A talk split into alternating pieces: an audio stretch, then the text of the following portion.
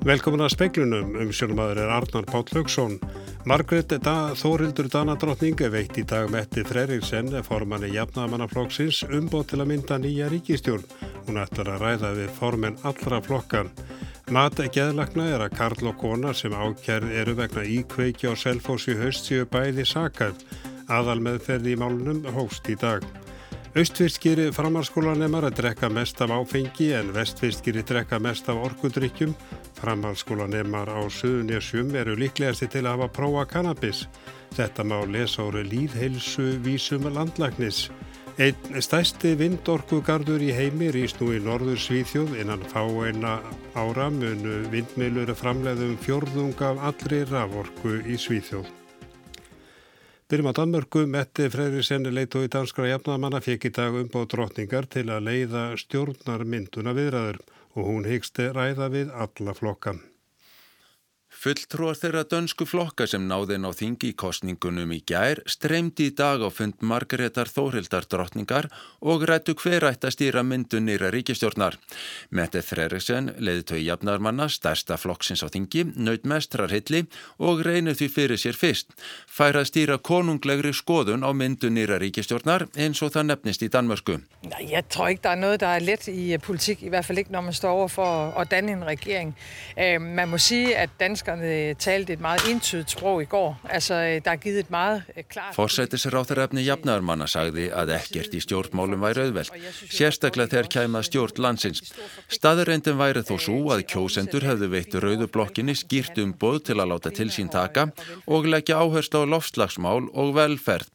Hún ætlar að kalla alla flokkan á þingi til viðræðina í stærðaröð og því verður fráfærandi forsætisráþara Lars Lökke Rasmussen fyrsti viðmælandi hennar. Brynjólfur Þór Guðmursson saði frá að við fjallum meirum dörsku kostningarnar síðar í speklinum. Bæði Karlmaður sem ákjörður er fyrir að hafa kveikt í húsinu að kirkjuvegi á Selfossi í óttúber með þeim afleðingum að par létt lífið og kona sem var ákjörð fyrir að hafa ekki varað pari við eldinum eru sakæf. Þetta er matið tveikja geðlagna sem bára vittni fyrir hérastómi Suðurlands í dag. Aðal meðferð í máli gegn fólkinu átti að hefjast klukka nýju í morgun en tafðist þar sem verjandi konunar hafði sofið yfir sig og konan var bílaus á Eirarbakka og komsti ekki í domsal á Selfossi. Þau voru þau bæði mætt fyrir klukkan tíu og aðal meðferð hófst á því að skýrsla var tekin af hinnum ákerðu. Maðurinn sagði að hann hefði verið að fykta við að kveika eld í pizzakassa. Hann muni síðan líti eftir sér þanga til hann var komin út úr húsinu. Hann sagði að húsi hefði þá verið orðið alelda og hann hefði ekki fengið við neitt ráðið. Maðurinn hvaðast ekki hafa haft neitt ásetning um að bana fólkinu. Honum hefði liðið mjög ítla eftir atbyrðin og fengið aðstóðu geðlæknis í fangelsinu. Bæði sjúkraflutningamenn sem komi að húsinu og fyrstu lauruglumenninni sem komi á vettvang lístu því að þeir hefðu hyrt hróp innan úr húsinu og að fólki var að berjast þar um. Það hafi hins vegar verið ómögulegt að fara inn til að bjarga því. Réttarmeina fræðingur sem bar vittni segir að banamein fólksins hafi verið reykeitrun. Hann segir að hvorugt þeirra hafi borið ytri merki um höggáverka. Það hafi heldur ekki verið greinanleg ummerki um innri áverka á lífærum. Samkvæmt krypningu er því ekkert sem bendi til þess að eitthvað annað en reykeitrun hafi orðið þeim að bana. Jón Hákon Haldarsson saði frá. Ökumöðar bílsins sem var ekki út af ferjubryggja á Áskórssandi í nógumberi fyrir tveimur árum hefur sennilega mistið meðvitundu við aksturinn. Bílinn hafnaði sjónum og ökumöðurinn, kona hans og fimm ára dóttir þeirra létust Ekki er þó vitað af hverju þetta gerðist. Þetta er niðurstaða rannsóna nefndar samgönguslýsan. Þar sé jáfnframt að bryggjukanturinn hafi verið lágur og varnarbúnaður ekki nægilegur til að koma í vekk fyrir að kert væri út af bryggjusporðunum. Fjölskyldan hafi búið í Hrísei í nokkur ár og var á leið í bátinn til að fara heim til sín. Tveggjara dóttur þeirra var í pössun í enni hjá ættingum en fjöldi fólks varð vitni að atvikinu. Fólkið náðist ekki út úr bílnum fyrir en rúmri klukkustund eftir að fyrsta tilkynning barst. Rannsóknarnemdin segir að Björgun sé alltaf erfið við þessar aðstæður en hætta sé á aukutæki snúist þegar þau farið fram af bryggju og sökvi til bots Oftast sé þörf á sérþjálfuðum björgunaraðilum með viðegandi búnað. Nemndin tilur rétt að gerðar séu auknar kröfur til ferjuafna til að tryggja öryggi vegfærenda vegna umferðar sem ferum slíkar hafnir, segir í skýslunni og ekki sé sjálfgefið að heimila frjálsanagstur bílað ferjum. Þá kemur fram í skýrslunni að aðstæður hafi verið með þeim hætti að þeir sem voru stattir á vettvangi hafi ekki átt neitt möguleika á að koma fólkinu til bjargar. Hiti sjáar dýft þar sem bifræðin stöðvaðist á sjáarbotni og lítið skegni neðansjáar kröðust björgunar aðgerða þjálfaðara björgunamanna með viðegandi búnaði, segir í skýrslunni.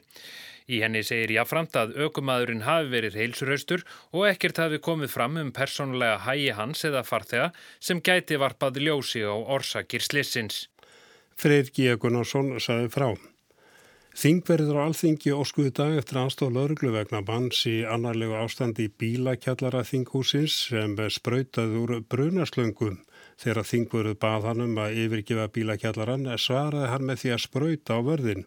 Vegna hegðunar og ástands var maðurinn handekinn og vistaður í fangageimslum. Þetta kemur fram í dagbók lauruglunar í dag.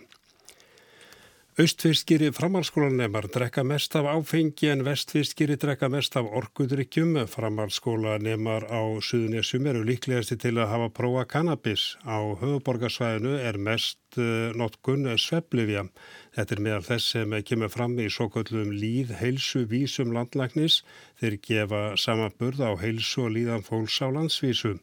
Dóra Guðrún Guðmurstóttir er sviðstjóri hjá Embætti landlæknis. Við erum ennþá að sjá árangur í, í e, tópásvörnum að það eru færre og færre sem að reykja daglega og við erum að sjá úlingadrykki fara niður í framhalskólu. En við erum líka að sjá áskoranir og, og það er kannski aðrar áskoranir sem við stöndum framifyrir. Við erum að sjá að það er allt og hátt hlutfall sem að sefur ekki nóg og svefnin er í rauninu kannski orðið stort líðhilsum vandamál sem við erum þegar búin að sjá og erum að vinna að bregðast við. Við erum að sjá að fullorðinu sofa á lítið og, og ástandi er ennþá verið við skoðum framhaldsskólanema. Og við erum líka að sjá það að eh, andleg helsa þeirra, eða þeir meta andlega helsu sína, miklu verð líka heldur en fullorðnir. Og ef við skoðum svona fleiri þætti þá sjáum við líka orkudrykjaneistla framhalskólinema hefur aukist gríðarlega mikið. Þannig að við tökum þetta allt saman. Og svo hérna þá erum við að sjá að þarna eru þætti kannski sem við getum unni með.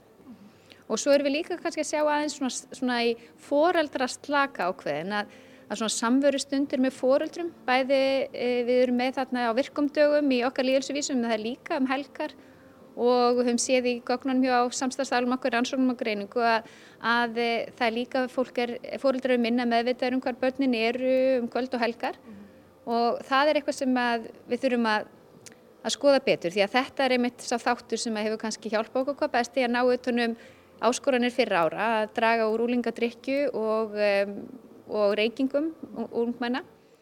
Segir Dóra Guðrún Guðmurstóttir. Fjálmarkar aðdóðasendur hafa verið gerðar um aðgengi fyrir fatlaða í sjóböðunum á Húsavík. Formaður sjálfbergar segir það miður að í nýju mannverki í ferðarþjónustu sé því frestað að útbúa almennilegt aðgengi fyrir fatlaða gesti. Slíkur hugsunagangur sé of algengur hjá sveitarfélugum. Sjóbuðun á Húsavíkur höfða voru opnuði ágústi fyrra og þá strax hóf sjálfsbjörg að gera aðtöðsemdur við ímisleg sem þar þótti ábota vant varðandi aðgengi fatlas fólks. Ég er raunum fljótlega eftir að, að sjóbuðun opna þá sjáum við það að uh, aðstæðan til að koma sérstaklega ofenni er ekki til staðar sem er náttúrulega svona grundallaratriði segir Bergur Þóri Benjaminsson formaðu sjálfsbjargar. Aðtóðasendir félagsins núa meðal annars að almennu aðgengi að húsi sjópaðana, búnis aðstöðu, sturtum, aðgengi að böðunum og ofan í þau. Þá vanti ókynngreindan skiptiklefa. Fjórða júni bakst breð frá skipalas og byggingafulltrú á Norður Þings. Það sem framkjöfumur að opnun sjópaðana hafi verið heimiluð þrátt fyrir að nokkuð hafi vantað upp á að mannvirkin væri tilbúin sangvann samþygtum tekningum. Síðan hafi verið unnið talsvert að endurbótum. Núna er sem sagt sveitafélag búin að svara því til að það geri kröfu á, á að sjópaðun lagi svona flest en ekki allt og hann sér of algengt að sveitafél og veiti frest til að ljúka nöðsilugum framkvæmdum sem snúað aðgengi fyrir fatlaða áður en byggingar eru opnaðar og síðan eigið að retta hlutunum eftir á. Það er hugsunaháttur sem að ég skil ekki og bara fæ ekki skilið verðan þess að þá ertu í raun og vera að vísa fólki í þennan tíma frá og segja að þú voru að koma setna þá verður þetta tilbúið. Þetta var Bergur Þorri Benjaminsson, Ágúst Ólásson talaði við hann.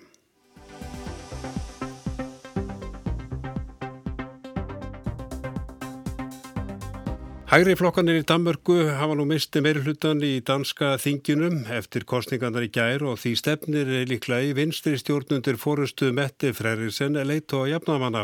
Jafnað með njóta reyndar minni stuðnings nú en síðast, venstri og íhalsflokkurinn unnu á, en hægri vengurinn tapar vegna hruns danska þjóðaflokksins og það stefnir í stjórnundir fórustu jafnamanna eða hvað Sigrun Davíðsdóttir sem þú varst að fylgjast við þessu í gær og í dag?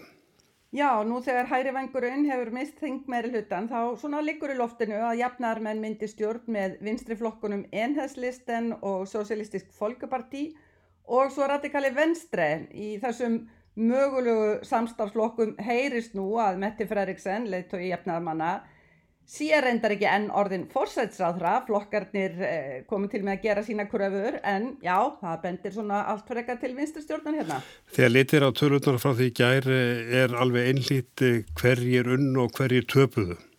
Nei, ekki alveg. Jafnaðmenn bættu aðeins við sig einu þingsæti en þeir eru stærsti flokkurinn. Stjórnaflokkarnir, venstri og íhjálpsflokkurinn bættu hins vegar vel við sig en Þar munar um hrun danske folkepartí sem misti heil 12% steg og það eiginlega fellir hægrivangin.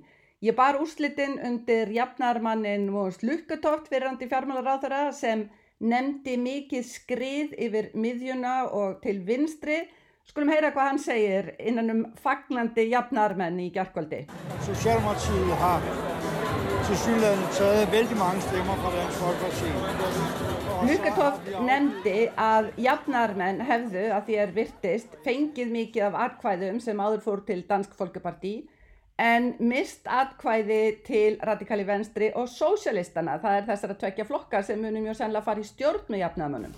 E, Niðurstöðu kostningarna eru mér samhljóma skoðanakonunum en e, kemur á óvart e, að kjósundur danska þjóðaflokksins að þeir skuli fara frá hægri til vinstri og yfir til jafnamenn þó svo að jafnamenn e, standi þannig sé í stað. Það kemur kannski ekki alveg óvart, það var mikið talað um það á sín tíma að tryggir kjósundu jafnamanna, ekki síst utan höfuborgarnar teldu sinn gamla flokk hafa bröðist í útlendingamálum og þetta væri skýringin á velgengni Dansk Folkeparti alveg frá 2001 sá flokkur bóðaði harða útlendingastefnu auk eh, velferðastefnu. Og kjósendur eh, eru þá að skila sér aftur vegna þess að jafnamenn er núna að bóða aðhalsamari útlendingastefnu. Já, það virðist að einhver leiti vera þannig. Uh, Mette Fredriksen, núverandi leitt og jafnamanna hún breytti flokkstefnunni og það er reyndar víða rætt hvort útlendingastefna flokksins liggi nú of nærri eh, danska þjóðaflokknum, svona sumir sem tala um það, en uh, ég spurði Móans Lykkutoft einmitt um þetta að... Vi skal selvfølgelig gøre, hvad vi kan for at integrere folk og behandle dem ordentligt og så videre, men der er grænser for, hvor mange... Lykkutoft sagði að það þyrti að fara bilbeggja, bæði taka vel á móti fólki sem kemur til Danmarkur en líka gæta að þann þóli bæði stjórnmálana og velferðarkerfisins. Danir væru reyndar bara að gera það sama og til dæmis svíjar og þjóðverjar í útlendingamálum. Nú hrundanska þjóðaflokksins stafaði frekar að því, saði Lukatóft, að danska þingið hefði þegar samþygt ímsar breytingar í þessa átt og flokkurinn þá ekki laga sig að breytum aðstæðum. Það væri ástæðan ekki svo að jafnaðmenn hefðu endilega tekið upp eh, stefnu danska þjóðaflagsins, en já, þetta er doldið umdeilt hérna. En uh, í kostningabarnum þá var nánast uh, einungist talað með hverjir er næsti forsætis ráð þeirra lítið fjallaðum uh, sjálf kostningamálin, en losnarsmálinn þau höfðu greinlega mikil áhrif í kostningabarnunni og það sama á við velferðamálinn, hvort það hefði hjálpað jafnamönnum? Það er aftur þetta að Mette Fridriksen uh, virðist mjög góð í að móta og miðla stefnu, reyndar ymsir umhverfisvenda sinnar sem telja hann ekki nóg róttaka, en ég bar úrslitinn undir uh, venstremannin Bertel Horter fyrir undir mentamálar á þeirra, hver hans skýring væri á þessu neki til vinstri. Kravet om mere velfærd uh, gav venstrefløjen en moralsk overhånd, eller hvad man skal kalde det. Nú Horter telur að það við komið venstri koll að flokkurinn hefði ekki sömu móralsku undirtökin í umræðinum velfaramál og lofslagsmál og vinstrivængurinn. Venstri hefði mistekist að útskýra að flokkurinn hefði önnur lofslagsmarkmið sem hann telur reyndar raunsæri en almennt þyrti venstri að vera betri í að röggræða á mórálskum fórsendum líkt og vinstriflokkarnir gerður svo En vel. getur maður núna að tala um að það sé komin vísir að tveggja flokka kerfi í Danmörku að jafnaðmenn á venstri að þeir eru að skiptast á stjórnarfórustunni? Samstipustjórnir eru þetta hefðin í Danmörku, jafnaðarmenn verið svona vinstri valdapótlinn í áratugi en já, í sögulegu samhengi þá er það nýtt að venstri og ekki íhalsflokkurinn sé hægri þungamiðjan íhalsflokkurinn hefur verið við það að hverfa en brakkaðist reyndar núna. Nú Bertil Horter taldi að þessi tvískipting virtist komið til að vera og hún fannst það auðvitað ekkit verra. Du ser på øh, de 35 år, så har det kun meget sjældent... Horter benti á að í þau 35 ár sem hann hefði verið í stjórnmálum þá hefði þessi staða venstri e, sjaldan verið raunin og það gletti að venstri væri nú stærsti stjórnananstöðuflokkurinn og þá hinn kosturinn sem fórsætsráðuraflokkurinn. En já, nú er það líklega vinstri stjórn sem blasir við með áherslu á velferðarmál og lofslagsmál. Það er það sem danskir kjósendur vilja helst heyra. Eh, við erum aðeins að nána staðins talað með venstri og jafnaðamenn en eh, það voru fleiri flokkar sem buðu fram og það var nýtt að það komu tveir flokkar eh, já, lengst á hægri vagnum, nýji borgeli og stramkús. Já, hvernig fór fyrir þeim? Það uh, fór ekki vel fyrir stram kurs, það var reyndar svona einhver personulegur harmleikur þar í, í kring, fjölskylda leðtóðans að þið vara við honum og svona, það leiti ekki mjög vel út. En, uh, en nýborjalið, þeir eru orðnir hæri flokkurinn til hæri við Dansk Folkeparti en það er fjarrri því að þeir hafi náð sömu vinsældum og Dansk Folkeparti en jú, þetta er auðvitað nýtt fyrirbæri í danskum stjórnmálum og aðtiklisvert að fylgjast með framvindunni þarna. Þakka þér Sigrun Davíðsdóttir stötti í Kaupanöfn og við þetta er að bæta Alars Lökkur Rasmussen gekk á fund drotningar í morgun og barst lausnar fyrir sig og sitt ráðreiti. Hann meldi með að Metti Freyrísinn, formar jafnamanna, fengi stjórnarmyndunarkeplið sem hún hefur fengið og koma fram hér að framann og hún hefur sagt, sagst vilja mynda hreina jafnamannarstjórn til þess þar hún að semjum í mismál hvað það mun taka langa tími eða hvort það tekst á eftir að koma í ljós.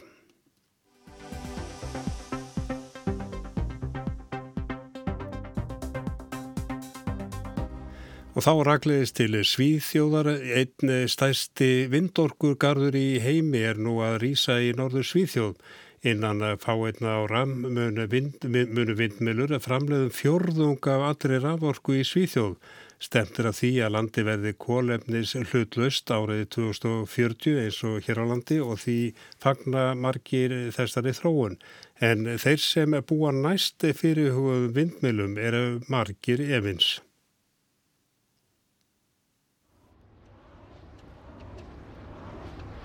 Upp af Pítuó, nýrst í norður Svíþjóð, er nú verið að reysa gríðarstóran vindorkugarð. 1100 vindmilur, alltaf 200 metra háar, rýsa á svæði sem er nær tvöfalt stærra en Reykjavík. Framleyslan verður á við 2,5 káranhjúkavirkjun eða 17 vindorkugarða eins og þann sem landsvirkjun áformar að reysa við búrfell.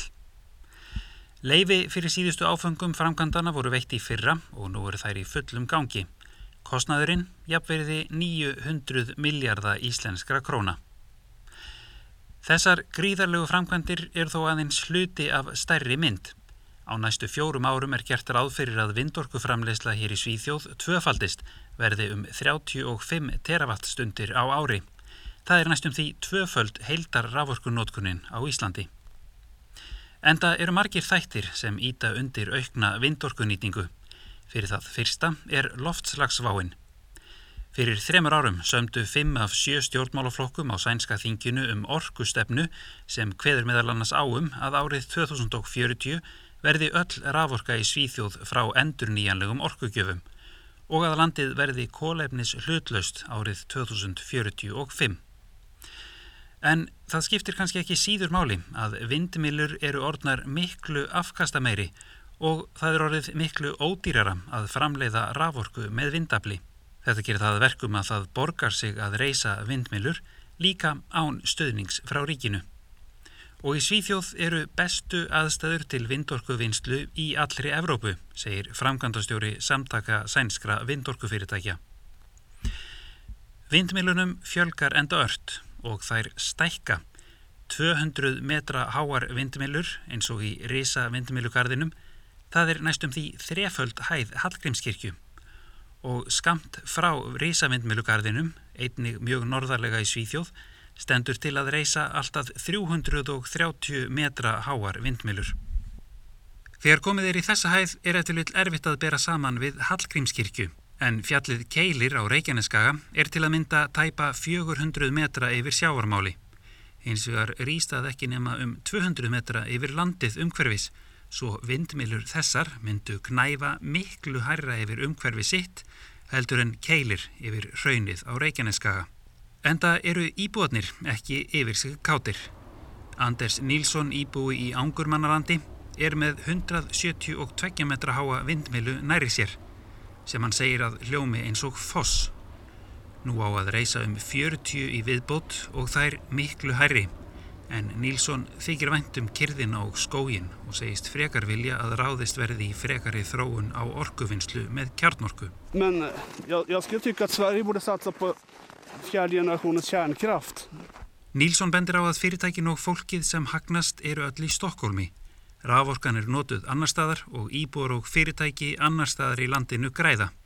Svona hefur þetta verið í margar kynnslóðir, segir annar íbúi, Henry Jönsson. Þeir sem búa sunnar í landinu hafi numið járn úr jörðu í norður Svíþjóð, virkjað vassablið í norrlenskum ám og högvið skóana og nú á að eidilegja kyrðina með risa vindmilum, segir Jönsson. Það verði aldrei neitt eftir í norðurinu. Við erum bara nótuð. Við móstum få höra altså. For at Norrland, við móstum få finnast kvar. Við kann ekki bara utnyttjas. Annar staðar er andstaðan meiri svo sem í héræðinu Dölunum norðvestur af Stokkólmi þar sem tilstendur að reysa 40 vindmilur alltaf 250 metra háar. Andstæðingar segja þetta ógna arnarstofni á svæðinu og valdi hljóðmengun. Ef það á að nota þessa orku í næstu borg, já, þá geta menn bara reysti vindmilurnar þar, segir í græningja. Íbúar sem sænska ríkisónarpið rætti við voru sumir gráti nær þegar þeir hugsuðu til þeirra breytinga sem í vændum eru. En vindorkugarðar spretta engað síður upp um allt land. Í fyrra voru ríflega 200 vindmilur reistar hér í Svíþjóð, 600 bætast við í ár og verða alls 5.000 í landinu 2022 þegar framleysla þeirra verður orðin tvöfald það sem nú er.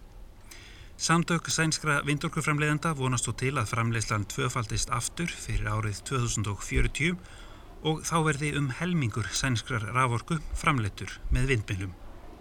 Kári Kilvason, Gautaborg.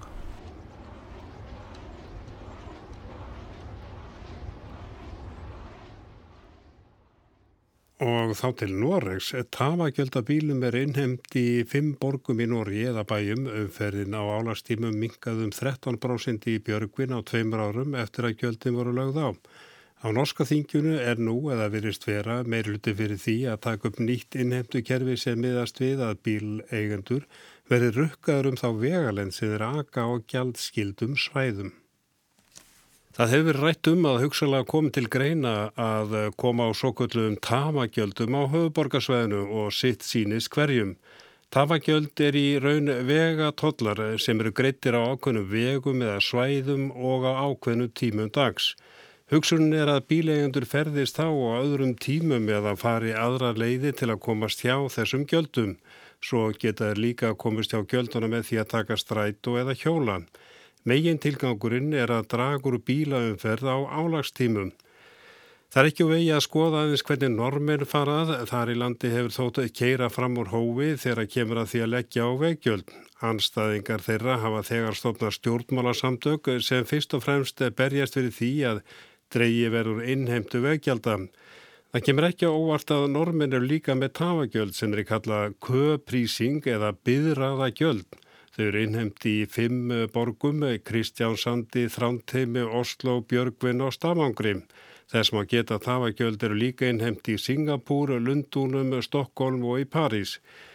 Í Oslo er lítið hægt að keira bíl á þess að greiða veggjöld. Það eru þrjú megin gjaldsvæði sem umleikja borgina, einst er Osloarhingurinn, næst innri hringurinn og loks bæjarmörkin. Borgarifuruvöld er ekki að baki dottin þegar kemur að innhemtu veggjalda. Fyrsta júni var bætt við 28 nýju innhemtu stöðum við innri hringin. Samtals eru nú 83 innhemtu stöðvar í Oslo. Innhemtan er afræn en góðu fréttanir eru þær að þeir sem kaupa sér likla fá nú 20% afslátt í stað 10 áður. Fram að þessu hefur ekkit gjald verið lagt á rafbíla. Nú verða eigundu þeirra að greiða ef þeir hætta sér inn á gjaldsvæðin. Uppæðinar er reyndar ekki háar, 5 krónur norskar utan álagstíma eða um 70 krónur, svo uppæð tvöfaldast á álagstímum. Reyndar er hægt að fá afslátt með áskrift og þá lakkar gjaldið um 20%. Mengunarlausir bílar þingri en 3,5 tonn og vettnisbílar þurfa ekki að greiða.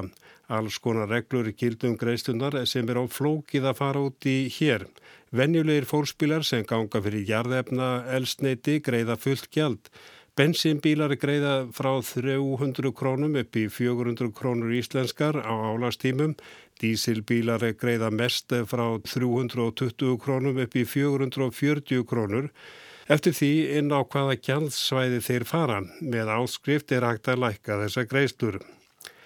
Söfrik og lítil loftgæði hafa lengi verið að plaga íbúa bæði í Björgvin og í Oslo. Norul hlaut dóm í eftadómstólum 2015 vegna þess að loftmengun í þessum tveimur borgun fór yfir leifileg alþjóðleg mörg. Yfirvöld í Bergen er brúðust við og lögð á tafagjöld eða byðraðagjöld sem tvöfaldaði veggjöldinn sem fyrir voru á álagstíma. Í skýslu sem gerðar í fyrra kom fram að umferðin á álagstímum hefði minkað um 13% frá því að tafagjöldinu voru sett á. Þáverandi samgöngur á þeirra héttil Súlvík Úlsen og framfaraflokksmáður var ekkit sérstaklega upprifin af þessum tíðindum. Hann bent á að ef verð á vöru tvöfaldast þýði það að færri kaupana. Þessar tölur segi ekkert um hvort ferðamáti Bergenbúa hafi batnað. Mikilvægt sé að taka tillit til þeirra efnaminni þeirra veggjöld eru hækkuð. Framfaraflokkurinn hefur gaggrind sveitarfylgur sem lagt hafa á veggjöld í stað þess að byggja upp betri almenning samgöngur. Í Nóri hefur óanægin með hvers konar veggjöld aukist. Þessi gaggríni virðist hafa leitt til þess að nú er meirluti fyrir því að veggjaldakerfinu verði breytt í gróðun dráttum að bílegendur greiði fyrir þá vegalend sem er aga á tildeknum vegi. Það sem hefur áhrif eru vegalengd, staðsetning og tegund aukutækist. Með þessari aðferð telja menn að greiðendur fái betri vittnesku um fyrir hvað þeir eru að borga og hver mikið þeir menga eða slíta vegunum. Þetta kallar á að ákveðin búnaður sé í bílum sem tengist öðrum búnaði með fram vegunum eða gerfinötum, verlagningin eða gjaldið á svo að miðast við hver mikið bílinn mengar, hvaðan egur mikið á álagstíman og hættun á að hann valdi umferðarslýsum. Personuvendi hefur þegar gefið grænt ljós á þessa aðferð. Lausni fælst því að upplýsingar um ferðir fólks geimist einungis í tækjunu sem er í bílnum. Ef þetta fyrirkomlag nær fram að ganga er líklegt að það verði einn af valkostunum þegar kemur að tekjum af umferðinni sem miðast að sjálfsögja því að draga úr mengun. Og við sögum frá því í speiklunni kvöld að Margrit Þórildur Danadrottninga veitt í dag metti Freyrísen formanni jafnamanna um bóð til að mynda nýja ríkisjóð sem kom reyndar ekki ávart og hún allra ræða við alla formen eh, flokkana. Og það er mati geðlagna að Karl og kona sem ákjærðir vegna íkveiki á selfósi haussi bæði sakhæf aðal með fyrir málsins hóst í dag. Og við sögum líka frá því að austfyrskir framhalskólanemar drekka mest af áfengi en vestfyrskir drekka mest af orkudrykkjum. Framhalskólanemar á söðunisum eru líklegasti til að hafa prófa kannabis. Þetta má vist lesa úr líðheilsu vísum með landlæknis og það verður sagt nánar frá þessu í sjóarfréttum klukkan 7. En við lítum til veðurs, norðan 5-10 metrar á sekundu en 10-15 með austuströndinni við að létt skíða en skíða og þurft að kalla á Hitt yfir daginn frá fjórum stigum á norðausturlandi og upp í 16 stig á söðurlandi. Það er ekki fleira í speiklunni kvöld. Tæknumar var eh, Ragnar Gunnarsson. Verðið sæl.